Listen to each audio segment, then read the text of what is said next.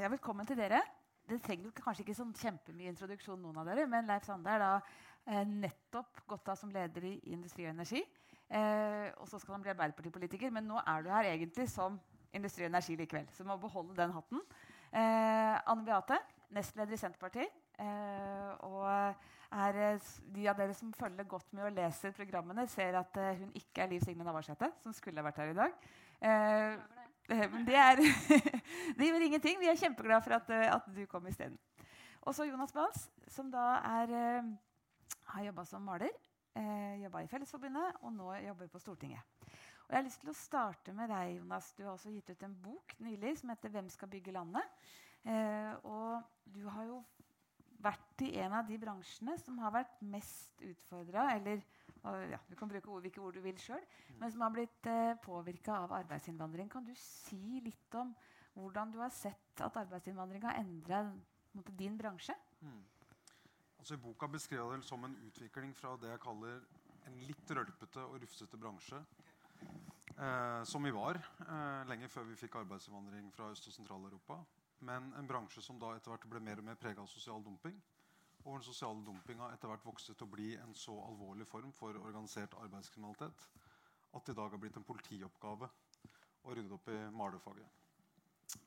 Og det kan kanskje høres eh, litt sånn eh, Det kan kanskje høres overdrevent ut, men det er ikke det. Og Kripos, Økokrim og andre sier jo nå at dette er en av de alvorligste samfunnsutfordringene vi står overfor.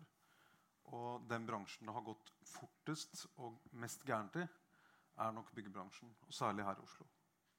Mm. Eh, du sitter jo også i altså en bransje hvor det har vært eh, som også har blitt preg av arbeidsinnvandring. Hva er din erfaring og refleksjon rundt det?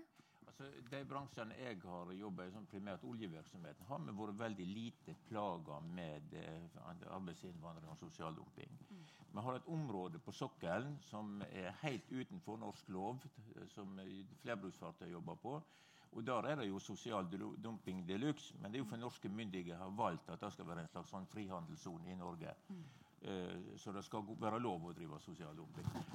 Eh, mens, mens, ellers så vet jeg når vi fikk eh, EU-EØS-avtalen i sin tid, da fikk vi lov om allmenngjøring. Og da tok vi istedenfor og ba arbeidsgiverne om å opprette et inspektorat som kunne holde tilsyn med, eh, med våre verftområder. Så vi får 10 millioner kroner fra arbeidsgiverne til å føre tilsyn. Og det har virka veldig godt. Altså, Vi har ikke allmenngjort noe. Så fikk vi, og Da var det jo snakk om å ta vekk lov om allmenngjøring en periode. for virkelig, Det var ingen som brukte den. Så fikk vi østutvidelsen. Og først da var det den egentlig fikk en funksjon. Mm. Eh, fikk en funksjon. Mm. Anne Beate, du er politikeren i panelet.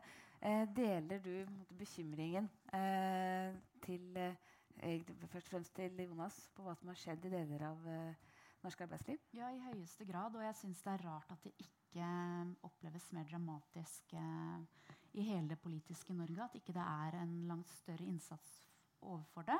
Mm. Um, men, uh, men uh, hvis jeg kan det, jeg, jeg, har lyst til å si en, en ting innledningsvis mm. i forhold til altså arbeidsinnvandring og EØS. Jeg føler at altså Innledningsvis ble liksom denne debatten litt uh, løfta opp til et litt sånn polarisert nivå. Eh, og også for å kunne eh, adressere problematikken med arbeidslivskriminalitet og sosial dumping, så er vi altså nødt til å komme over fra en sånn polarisert debatt hvor det handler om enten handel eller ikke-handel. Eh, eller null-arbeidsinnvandring eller fri arbeidsinnvandring. Altså det vi bør diskutere, er jo hvordan man kan uh, ha systemer og institusjoner for å regulere både arbeidsinnvandringen og handelen. Og der syns jeg vi hele tiden i pga. at EØS-debatten blir så polarisert, mm. havner i den grøfta. Og det er vi i eh, Senterpartiet veldig, veldig frustrert over. Eh, og så er jeg helt enig i det som har blitt sagt av flere, at det er et stort handlingsrom nasjonalt for, å, for, å, adressere disse tingene. Arbeidsmiljølovens 1412, eh, definisjonen av fast ansettelse, eh, eh, kontroll og tilsyn. Selvfølgelig stort handlingsrom.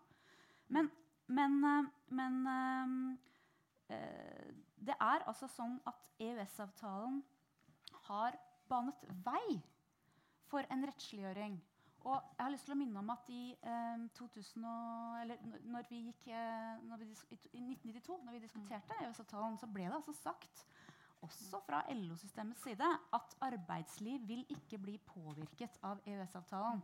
Og da syns jeg vi på en måte skal ha en, en reell og edruelig debatt om altså, hvordan kan vi regulere dette på en mer hensiktsmessig måte. Da er det mange som vil tegne seg her. Du var ordet først. Leif? Dette at arbeidslivet ikke vil bli påvirka, jeg forstår ikke hvor du henter det ifra. Altså det er klart at Vi har jo lagt om vårt lovverk, arbeidslovgivning, i veldig mange områder som følge av EØS-avtalen. I all hovedsak til det bedre. Selvsagt har det blitt påvirka. Hovedavtalen, f.eks. På det som er en av viktigste i Vi har en måte å se ansiennitetsprinsippet på etter vi fikk reglene om virksomhetsoverdragelse, som er helt annerledes enn tidligere. Klart det har påvirket arbeidslivet vårt. Og det som jeg, som jeg har problem med, det er at vi ser veldig veldig mye useriøsitet i arbeidslivet nå. Da ser vi internasjonalt, i EØS, utenfor EØS, de samme mekanismene gjør seg gjeldende. Nulltimerskontrakt og alt dette. Og så kommer vi til Norge, og så blir alt på en måte sagt EØS, EØS, EØS. alt det. Og så går du inn i det, så har det ingen verdens ting med EØS å gjøre i hele tatt. Handel har vi hatt i alle år. Skipsfarten vår ble utflagga på 60-tallet. Tekoindustrien vår utflagga lenge før EØS-avtalen kom. EØS-avtalen pålegger oss noen rammer, men han gir oss et betydelig handelsrom. For det, den tingen vi har gjort på én måte og regulert på én måte, kan vi kanskje ikke gjøre lenger. Men vi kan gjøre det på en annen måte og oppnå akkurat det samme. Og Derfor så, så er jeg veldig opptatt av at EØS-avtalen skal gi norsk industri tilgang til det indre marked. Det er en veldig stor fordel for oss å ha den tilgangen. Og så får vi tilpassa eh, og så, Den trenger vi. Og da kan du ikke liksom si at alt som er galt i arbeidslivet, skyldes EØS. Det, på en måte bruker man problemet i arbeidslivet for å hive vekk en veldig viktig avtale for oss når det gjelder handel. Må få replikk først. Jeg har heller ikke sagt at alt skyldes EØS, EØS men igjen, altså, her faller vi ned i skyttergravene og kan ikke mm. diskutere reelle justeringer av EØS-avtalen. For det er faktisk en del ulemper med EØS-avtalen, bl.a. dette at vi må forholde oss til ESA, REF, verftssaken, havnearbeidersaken. Så hvorfor kan vi ikke begynne å snakke om handlingsrommet utenfor EØS og ikke bare handlingsrommet innenfor EØS. Og når jeg sa at vi ble garantert at arbeidsmiljøet ikke ville bli påvirket av EØS-avtalen, det ble sagt fra Stortingets talerstol. Det. Det, det, er i 94, så det er litt vanskelig å, å, gå tilbake til det. Men eh, Jonas, du ba også om ordet. Ja, altså, jeg vil jo si at det snarere forholdt seg omvendt. Det var Særlig fra LOs side så var det jo en veldig klar forståelse av at skulle vi ha en EØS-avtale, så trengte vi også kraftig virkemidler mot sosial dumping. Dette var lenge før Øst- og Sentral-Europa var med i EU. Men det var jo bekymring for at det skulle komme folk fra Portugal, fra Spania og andre land og jobbe på hjemlandets eh, arbeidsbetingelser. Så Derfor så stilte man et krav om at man skulle ha en lov om allmenngjøring. Og det var til intens motstand fra norsk høyreside. Og Høyre og Frp de sa at uh, fikk Arbeiderpartiet flertall for denne LO-loven, som de kalte det, så ville det ødelegge det beste med hele EØS-avtalen. Nemlig at utenlandske arbeidere kunne konkurrere på lønnsnivå. Så, så, kan du si, så gikk det jo mange år da, før vi fikk bruk for den loven. Og det fikk vi jo først med EU-utvidelsen østover. Og så kan si Kanskje det største problemet vi fikk i kjølvannet av EU-utvidelsen, det var jo ikke arbeidsinnvandringa i og for seg, men det var jo at alle de arbeidsinnvandrerne som kom, i hvert fall de fleste av dem, de fikk jo ikke faste ansettelser. Det var ingen av dem som ble ansatt i malefirmaene hvor mine norske kollegaer jobba. De kom gjennom bemanningsselskap. De ble leid inn. Og det klarte vi også å håndtere de første åra. Vi fikk tegna tariffavtale, vi fikk organisert folk. Men særlig etter finanskrisa så, så vi at hele bransjen gikk over til en form for løsarbeiderkontrakter. Som har gjort det veldig veldig vanskelig å organisere folk. Og som har gjort at styrkeforholdet på eh, mange enkeltarbeidsplasser, men også i arbeidsmarkedet i stort, har blitt snudd på huet. Der det organiserte arbeidslivet før satte standarden som de andre forholdt seg til, så er det en del steder i dag omvendt. Og det er jo ting vi kan rydde opp i med nasjonal politikk. For det er egentlig to diskusjoner. Jeg synes det var godt sagt, Anne Beate. Vi diskuterer ikke handlingsrommet utenfor EØS. Jeg skal gjøre det også. Først litt mer om handlingsrommet innenfor EØS. Eh, fordi at nå har Det jo vært, eh, det var jo en rød-grønn regjering i åtte år i en periode med veldig høy arbeidsinnvandring, hvor dette her eh, ble, større, ble, en mye større utfordring i en del bransjer. Eh, og nå har vi, har vi en, en, borgerlig regjering. Men er det, er det ligger, har man ikke tatt dette alvorlig nok? Fra noens eh, side? Og, og, hva er det liksom, skulle nevne de tre viktigste tingene man kunne gjøre? Ann Beate? Jeg har lyst til å nevne én ting. Um, fram til 2000 og, ja, For få år siden så hadde vi f.eks. en sikkerhetsventil i EØS-avtalen uh, som sa at dersom uh, ubalansene på, uh, i den interne frie flyten av arbeidskraft blir veldig forrykka. Så kan man innføre sikkerhetsventiler i nasjonal politikk for mm. å innføre visse krav. F.eks. krav til at man skal ha arbeids arbeid med visse lønnsvilkår før man får starte på arbeid i Norge. Mm. Uh, disse, denne sikkerhetsventilen hadde vi i EØS-avtalen lenge. Uh, Storbritannia hadde det samme. Uh, og beholdt den etter Norge. Det kunne vi for gjeninnføre. sånn at man kunne ha da, denne sikkerhetsventilen når vi ser at en bransje for eksempel, blir eh, spesielt utsatt for sosial dumping. Um, og det, vi, altså, det, er en politisk avgjørelse som, som Norge ga fra seg. Eh, Leif, er det noen som du tenker ting vi burde gjøre som vi ikke har gjort? Ja, altså, Det er det handlingsrommet. Jeg sier da at Vi har gjort ting på én måte, og så får vi ikke lov til det, men vi kan gjøre det på en annen måte. F.eks. vertsdommen. Det er jo et helt klart eksempel på det. Her sier, eh, sier eh, ESA, eller eh, domstolen at du får ikke lov å betale kost og losji for arbeidstakere. Derimot så får du lov hvis du gir et, fast beløp for det. Hvis du forhandler det fram for at i tariffavtalen skal stå at reise og opphold skal betales med et fast beløp, ja, da er det helt greit å gjøre det. Det er måten vi har regulert på. Vi må regulere på en annen måte. Det er det beste eksempelet som tenkes kan på at denne gir et handlingsrom. Derfor skal nå partene sette seg ned i forbindelse med oppgjøret og finne en løsning på dette innenfor det som er ramma for EØS. Fordi altså, jeg, jeg, var ganske sentral når vi fikk lov om allmenngjøring i dette her i LO-systemet for en del år tilbake. Og hvorfor lagde vi lov om allmenngjøring? Jo, fordi at den tradisjonelle måten vi møtte en utenlandsk bedrift som kom til Norge med lave lønns- og arbeidsvilkår, var at vi gikk til boikott. Og så fikk de oppretta tariffer. Det har vi gjort hundrevis av ganger når det kommer båter og sånt i, i, til Norge så, vi, så, var en usikker på om det ville holde i de tilfellene der bedriften hadde med seg en eksisterende tariffavtale fra sitt heimland. Da var det ulovlig i henhold til vår boikottlovgivning å boikotte en bedrift med tariffavtale. Så lagde man lov om allmenngjøring. Og lov om allmenngjøring, Det som var problemet da, da var det at vi skulle sette standarden for høyt. For hvis vi setter standarden for høyt, så kom folk som kom til Norge, til å la være å organisere seg, for de fikk alt gratis. Sånn at vi jobba for å få ned standarden litt, sånn at det ikke skulle være likt som oss eh, i Norge. Det var bakgrunnen for alt sammen. Så sov den helt loven helt til vi fikk østutvidelsen. Og da har vi fått et problem. Men husk på da at det ikke er utenlandske firmaer som lager problem for oss. Det er norske arbeidsgiver som bruker utenlandske firmaer og bruker norsk arbeidsplass. Det er de som lager problem. Det har ingenting med noen EØS-borgere å gjøre. Det er norske arbeidsgivere og norske myndigheter som gjør dette her. Og Derfor setter hele diskusjonen om EØS opp i det vårt useriøse arbeidsmarked. Det er irrelevant. Det er bare noe du bruker for å bli kvitt en avtale du av andre grunner ikke vil ha. Det skal du få svare på. Anne Bare gi ordet til Jonas først. Eh, for du har også i boka di kommet med en del forslag til hvordan vi skal bekjempe eh, det som er i ferd med å skje med deler av norsk arbeidsmarked. Kan du si kort litt om noen av dem?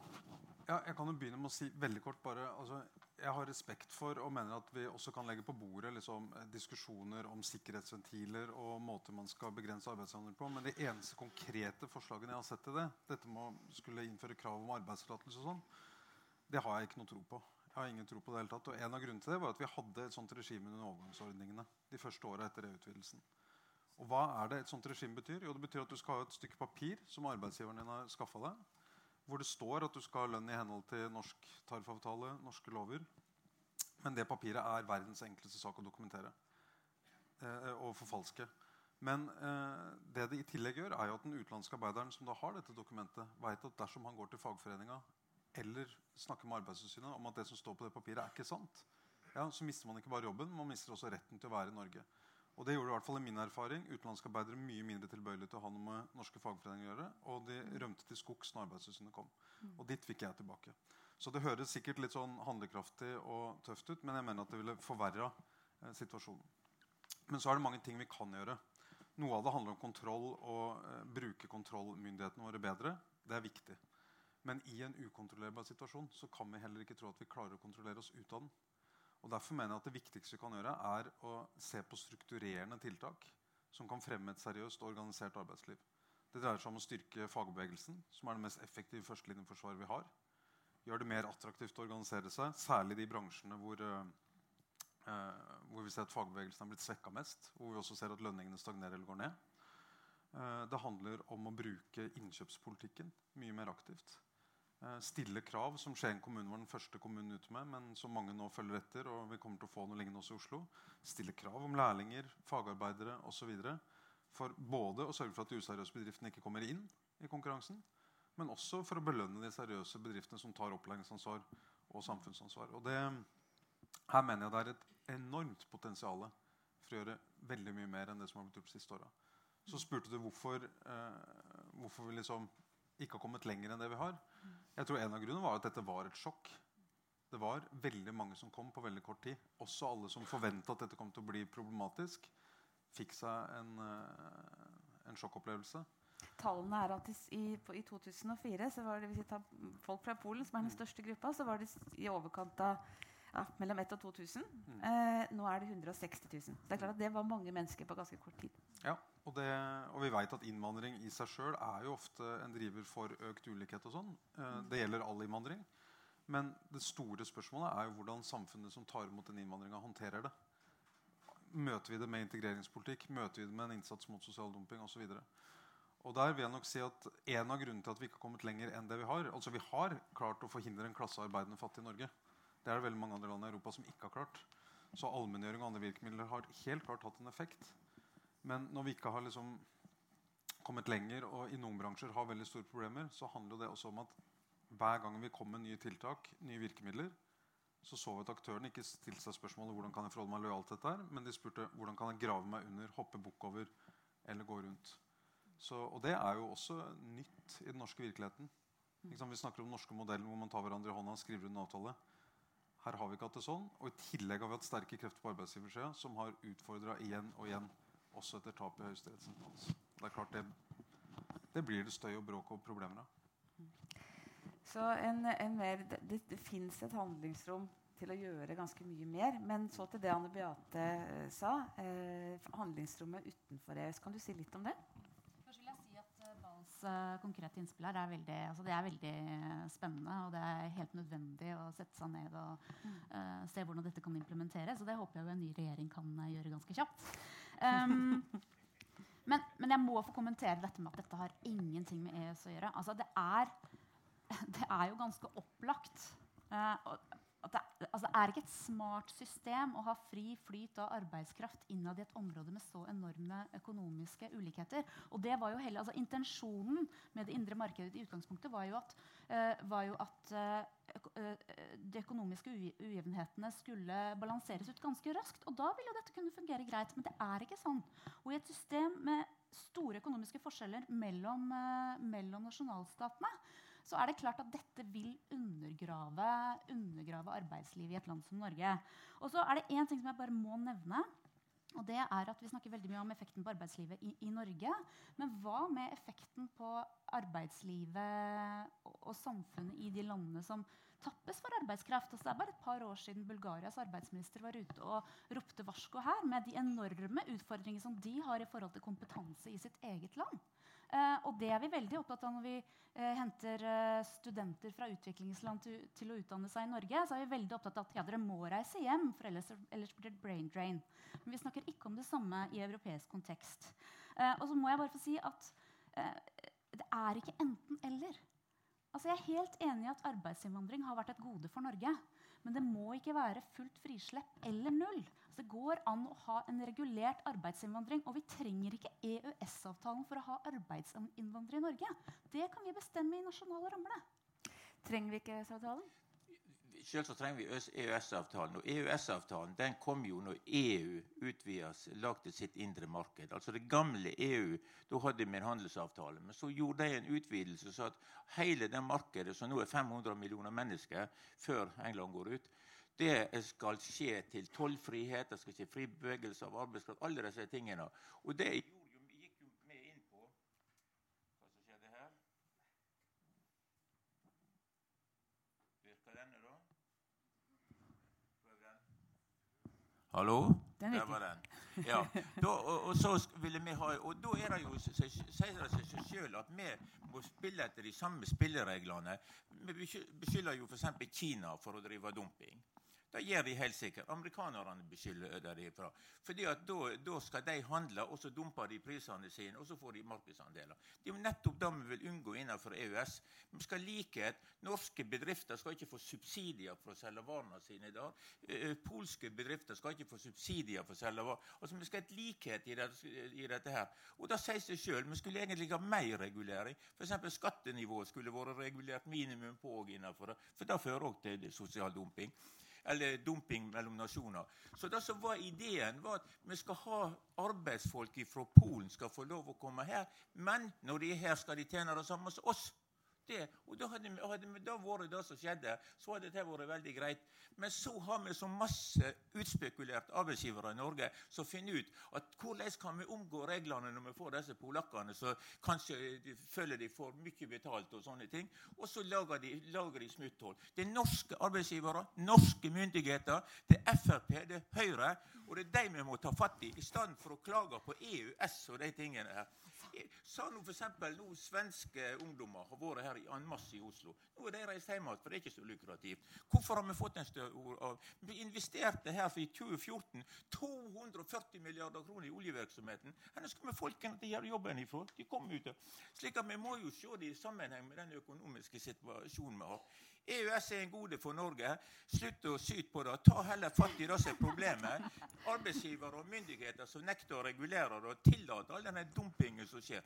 EU for eksempel, er kommet mye lenger i å lage regler mot nulltimerskontrakter enn det som er i Norge. Vi har ikke begynt med den jobben engang. EU har jo holdt på ganske lenge å etablere nå et regelverk for det. Takk skal du ha. Eh, Anne Beate, er det Nei, behold den, du. Ja. det var din. den. Eh, hva, eh, må utfordre deg litt for hva er realismen i at Norge skulle kunne lage en egen avtale som ikke var EØS, men med EU, hvor vi på en måte får det akkurat sånn som vi vil? Nei, akkurat sånn som vi vil, vil vi selvfølgelig ikke ha. Vi må framforhandle en avtale. Akkurat som EU har bilaterale handelsavtaler med 30 andre land. Og det fungerer aldeles utmerket. Eh, og, og altså De utspekulerte arbeidsgiverne du snakker om, får jo god drahjelp av ESA. da. Det er jo det som er problemet her. Og direktivene som, som eh, norske myndigheter må, eh, må forholde seg til, undergraver jo nasjonale muligheter på område etter område eh, for å lage smarte, smarte norske løsninger for å bygge opp under den norske modellen. Men, men poenget er altså, Det framstilles som om EØS er den eneste livlinjen til eh, EØS-avtalen er den eneste livlinjen til handel med Europa. Vi hadde, altså, vi, vi, vi hadde 75 av eks norsk eksport eh, gikk til EU før EØS. Nå er det 60% som går via EØS-avtalen. Det er ikke sånn at eh, e- handelen med Europa har blomstra pga. EØS. Den hadde vært der allikevel. Eh, Sveits har jo et utmerket eh, avtaleforhold med, med, med EU. Eh, og som sagt 30 andre avtaler. Og jeg forstår, altså, eh, Vi som er EØS-kritikere her i landet Nå har vi tjata om det her i 25 år, om ikke vi kan diskutere alternativer. Vi har ikke fått lov. Og til og med når britene sier at det er mulig å få til en bedre avtale, så skal vi ikke engang drøfte muligheten. Altså, Jeg, jeg, jeg syns det er underlig. Hva syns du, Leif? Ja, altså for, for det første, sånne tilsnikelser så der er uakseptable. Fordi at du sier 70% av handelen før EØS. Altså, Vi drev ikke å forhandle så veldig mye med Polen og alle de østeuropeiske landene tidligere. Det er noe som er kommet nytt. Så når handelen går ned til 60% i gjennomsnitt etter at vi fikk dem med, så det er jo ikke forunderlig i hele tatt. Jeg syns det er meget rart han er så høy, for det er jo utvida mot land som ikke var med i det tidligere. Eh, slik at, eh, og når du, nå snakker om at EØS-avtalen er at engelskmennene vil ut Vi hadde nettopp besøk på landsmøtet vårt av de tillitsvalgte i nestlederen i det største eh, britiske forbundet. De ser det som en katastrofe at, eh, at nå eh, de- er brexit. For de vet da at de er tilbake til Tetzschner-tiden. Du får et regime som vil trykke ned arbeiderklassen der borte gjennom ved at de går ut. Det er jo EØS som har berga den sosiale standarden i Storbritannia. De hadde Thatcher. Så en som sier til meg vi ligger flyter i et liberalistisk hav. Det eneste vi nå kan håpe på, det er at EU kommer og tar oss i hånda. Og det har regulert arbeidslivet til britene ganske bra. Og når de nå går ut, så ser de det som en katastrofe, eh, det som skjer. Slik at eh, den avtalen må vi for all del eh, slå, slå vakt om. altså. Nå har Vi rett og slett, vi har gått ut på tid, men dere, dere, dere må få lov å få en siste kommentar hver. Eh, Anne Beate, en siste avsluttende sånn, Hva skal folk huske på når vi går hjem? Altså, britene, eh, britene har et helt annen arbeidslivsmodell enn Norge. og det er helt enig. Sånn sett er det ikke sammenlignbart. Men når vi snakker om handel, så er det altså sånn at Norge hadde en frihandelsavtale med EU før EØS som ga nulltoll på de produktene du er bekymra for. La oss i alle fall eh, begynne å diskutere handlingsrommet, muligheten for å gjøre justeringer på arbeidslivsområdet i EØS-avtalen. EØS er en politisk avtale. Eh, EØS-rådet er en pol et politisk råd hvor man kan diskutere politikk og ikke bare drive med sandpåstrøing, sånn som det rådet fungerer i dag. Jonas, siste kommentar Ja, fra nei, deg. altså, jeg eh, har ikke hørt noen si at det er helt utelukka å diskutere noe annet. Jeg bare savner også litt realismen i liksom, hva er forhandlingsposisjonen vår. Hvis vi skal inn og reforhandle nå. Jeg, jeg savner realismen i det. Og jeg tror altså, Så enkel ting som å innføre ostetoll i Norge, så kan vi gjøre det og ikke bli ramma av uventa straffereaksjoner. Fordi vi er innafor regulert, eh, en regulert avtale hvor vi har forutsigbarhet for hva konsekvensene blir. Nei, men jeg mener, altså, hvis vi, det å stå tilslutta internasjonale avtaler som EØS-avtalen er en eh, det er med på å sikre noen sånne spilleregler som jeg tror vi som en liten åpen økonomi er helt avhengig av å være med på. Men at noen utelukker at det skal være mulig å se på noe annet Jeg tror bare ikke på at Storbritannia som et sånt lavskatteparadis eh, på utsida av EU vil være liksom de som gir oss drahjelpa der. Verken eh, når det gjelder landbrukspolitikk eller arbeidslivspolitikk. Eh, helt til slutt, så, altså, Hvis jeg skal si én ting, så vil jeg bare si at EØS-avtalen den byr på problemer. Den byr selvfølgelig på problemer, fordi En del av det vi ser i arbeidslivet, hadde vi ikke hatt om det ikke var for arbeidsinnvandring for eksempel, til Norge. Men det store spørsmålet er kan vi håndtere det. Klarer vi å gjøre det vi trenger å gjøre innenfor avtalen? Og jeg mener at det klare svaret på det er ja. Og at det er et veldig stort potensial som vi ikke har brukt. Eh, men jeg forstår at folk er bekymra. Jeg forstår at eh, folk ser mot den avtalen som det som eh, på en måte At det blir lett å konkludere at det er det som er roten til alt det vonde. Jeg mener at det ikke er det. Jeg mener at det handler om norsk politikk. Og, og der skal vi sammen vinne et valg til høsten og gjøre mye. Det er lovende. Leif Sunna, en siste replikk til deg også. Ja, men bare litt tilbake. Altså, eh, når vi fikk EØS-avtalen, var i forbindelse med at EU EU etablerte det indre markedet sitt, så fant vi ut at vår handelsavtale var ikke god nok. Vi vil òg inn på det indre markedet. Og så, så, så lagde vi den eh, avtalen. Når vi forhandla fram den, var det EFTA som forhandla den. Og EFTA bestod da noe med fire land, tre av de EØS-land. Da hadde vi òg Sverige, Østerrike, Finland, flere andre land med oss. Som jo, mens EU var betydelig mindre enn det i dag. Altså det var to, to organisasjoner som forhandla som var mer, mye mer likeverdige enn i dag. Hva er det som skulle tro at vi får en bedre avtale med EU i dag enn vi gjorde denne gangen vi møtte de så likeverdige, enn i dag når vi må møte de som pygmeer? Altså, EU er jo et gigantisk mye større enn EFTA i dag. Og i tillegg så er det kun med Sveits og Liechtenstein som er på EØS-avtalen. Eh, ikke Sveits, Island og eh, Liechtenstein som er på EØS-avtalen. Sveitserne står for seg sjøl. Og sveitserne som du nevner, har en annen avtale. Det er riktig. Men den er jo ikke noe bedre på noen måte enn EØS-avtalen. Altså, ja, det vil jo jeg absolutt si. Jeg kan ikke se at den eneste det er at de må til å forhandle loven hver eneste gang det skjer en endring i EU. De må jo være lykkelige at vi slipper disse tingene her. Slik at den EØS-avtalen som vi har fått nå, den jeg tror jeg ikke er mulig å, åpne den for forhandlinger. Altså hadde jeg vært, det vært tarifforhandlinger, og vi sto igjen som en smågutt uten streikerett og noen ting, og så begynne å åpne forhandlinger på en avtale som hadde som var veldig god, hadde ikke turt det. Så, så jeg mener at du eksperimenterer veldig. Og du ser Storbritannia hva nå de er nå ute i. De er ute i noen veldig vanskelige forhandlinger til tross de er 80, er det ikke 80 millioner eller noe sånt de er, mens vi er da vi er. Så stå på EØS. Det er en god avtale. Tjent norsk arbeidsliv godt. Tusen takk.